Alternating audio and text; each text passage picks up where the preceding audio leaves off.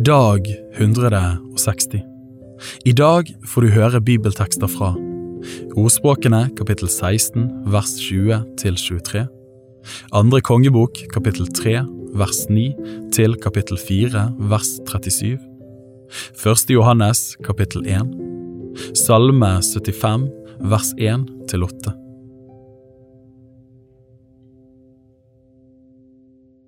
Ordspråkene kapittel 16 vers 20 til 23 Den som akter på ordet skal finne lykke, og den som setter sin lit til Herren er salig.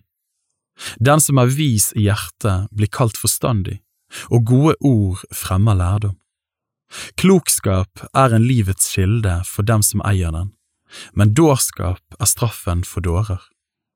Den vises hjerte gjør hans munn forstandig og legger mer og mer lærdom på hans lepper.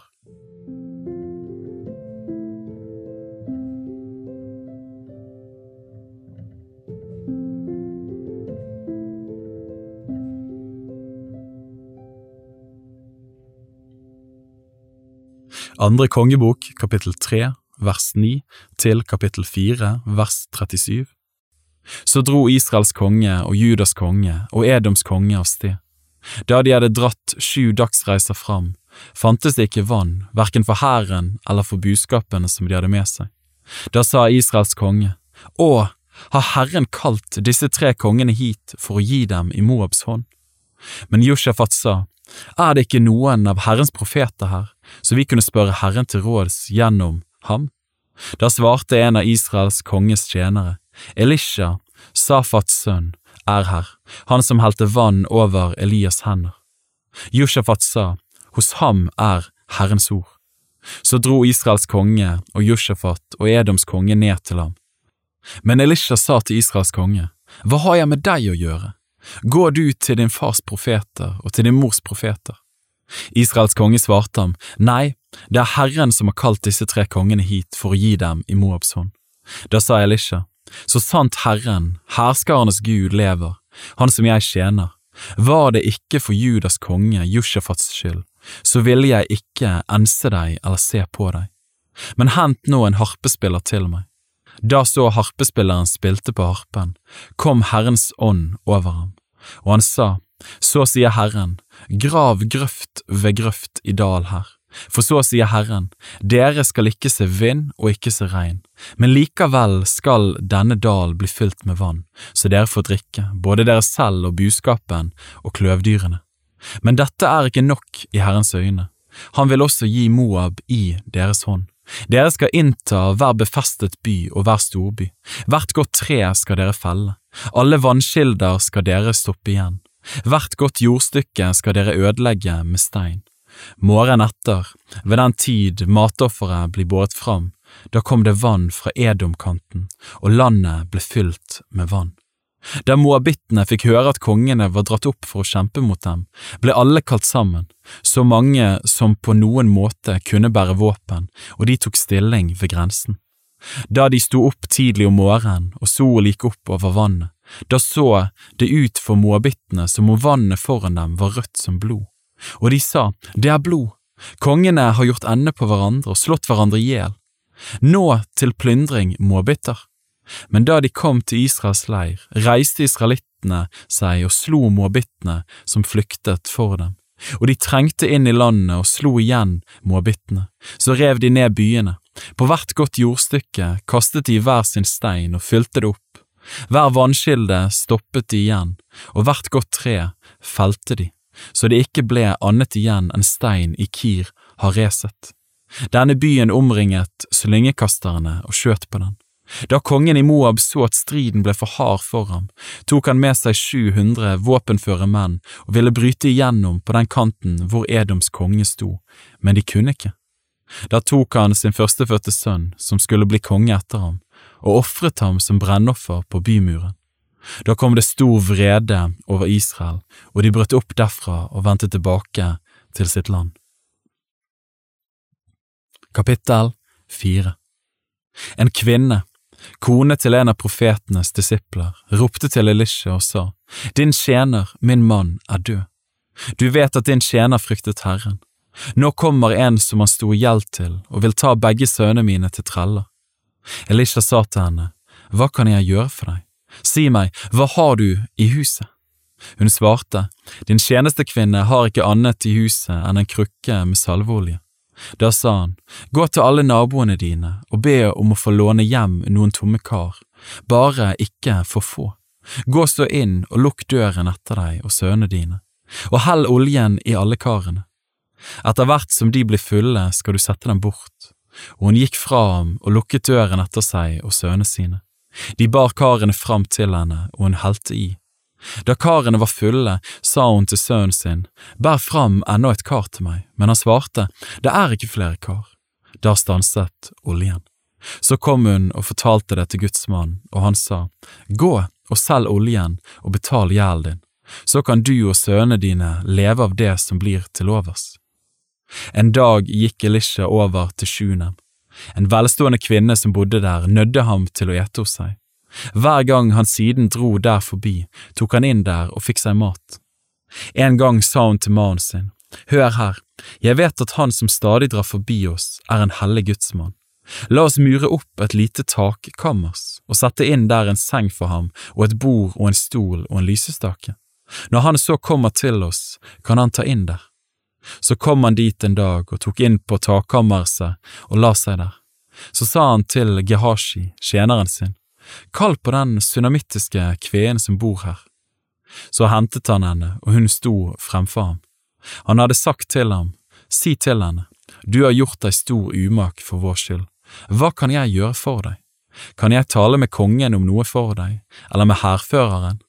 Hun svarte, Jeg bor jo her midt iblant mitt folk. Så sa han, Hva kan jeg da gjøre for henne?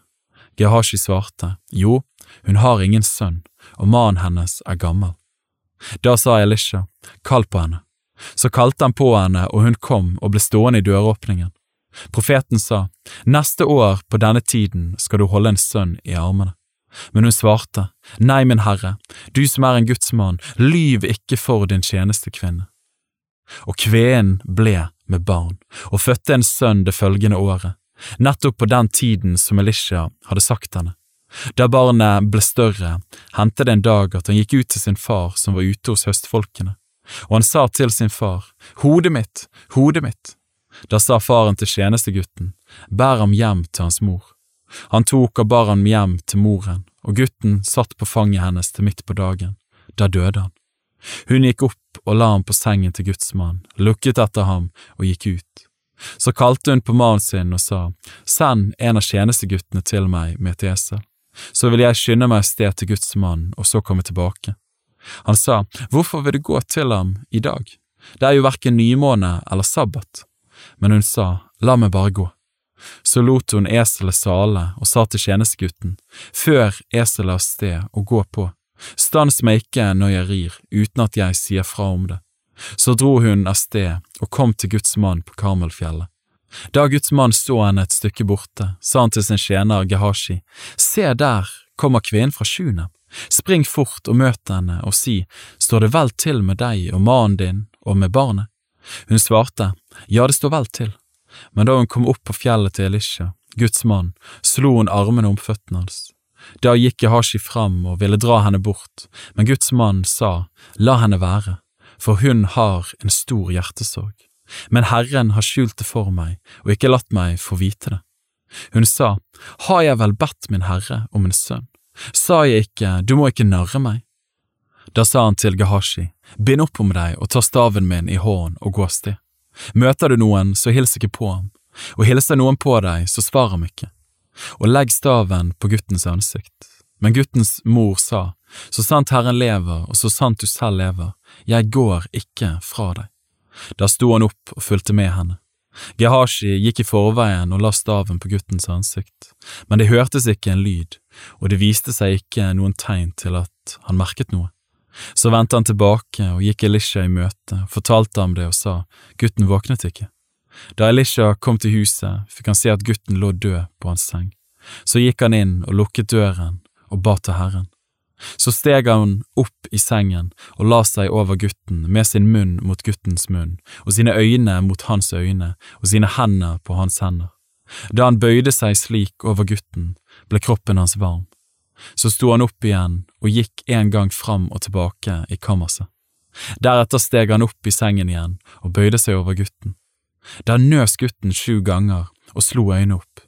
Han kalte på Gehashi og sa, Kall på den sunamittiske kvinnen. Han kalte på henne, og da hun kom inn til ham, sa han, Ta sønnen din. Og hun kom og falt ned for hans føtter og bøyde seg til jorden. Så tok hun sin sønn og gikk ut.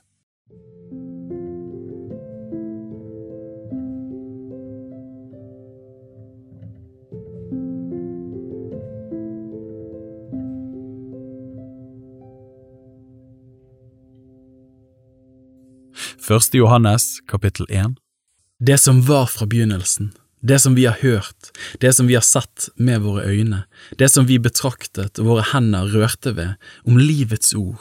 Og livet ble åpenbart, og vi har sett det og vitner og forkynner dere livet, det evige, som var hos Faderen og ble åpenbart for oss. Det som vi har sett og hørt, det forkynner vi for dere, for at også dere kan ha samfunn med oss. Og vårt samfunn er med Faderen og med Hans Sønn, Jesus Kristus. Dette skriver vi til dere for at deres glede kan være fullkommen. Og dette er det budskapet vi har hørt av ham og forkynner dere. Gud er lys, og det er ikke noe mørke i ham. Dersom vi sier at vi har samfunn med ham, men vandrer i mørket, da lyver vi og gjør ikke sannheten. Men dersom vi vandrer i lyset, like som Han er i lyset, da har vi samfunn med hverandre, og Jesu, Hans Sønns blod, renser oss fra all synd. Dersom vi sier at vi ikke har synd, da bedrar vi oss selv, og sannheten er ikke i oss. Dersom vi bekjenner våre synder, er Han trofast og rettferdig, så Han forlater oss syndene og renser oss fra all urettferdighet. Dersom vi sier at vi ikke har syndet, så gjør vi ham til en løgner, og hans ord er ikke i oss.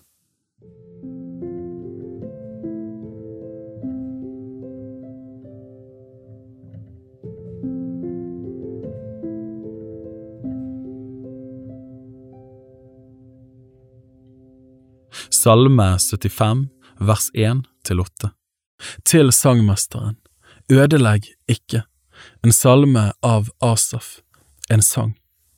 Vi priser deg, Gud, vi priser deg, for nær er ditt navn, og dine undergjerninger blir kunngjort. Jeg vil gripe den fastsatte tid, jeg vil dømme med rettferdighet. Om jorden vakler og alle de som bor på den, så har likevel jeg satt dens grunnstøtter fast, Sela. Jeg sier til dårene, vær ikke overmodige, og til de ugudelige, løft ikke horn, løft ikke deres horn i det høye, tal ikke frekt med stiv nakke. For ikke fra øst og ikke fra vest og heller ikke fra berglandets ørken kommer vår oppreisning. Nei, Gud er den som dømmer. Den ene fornedrer han, og den andre opphøyer han.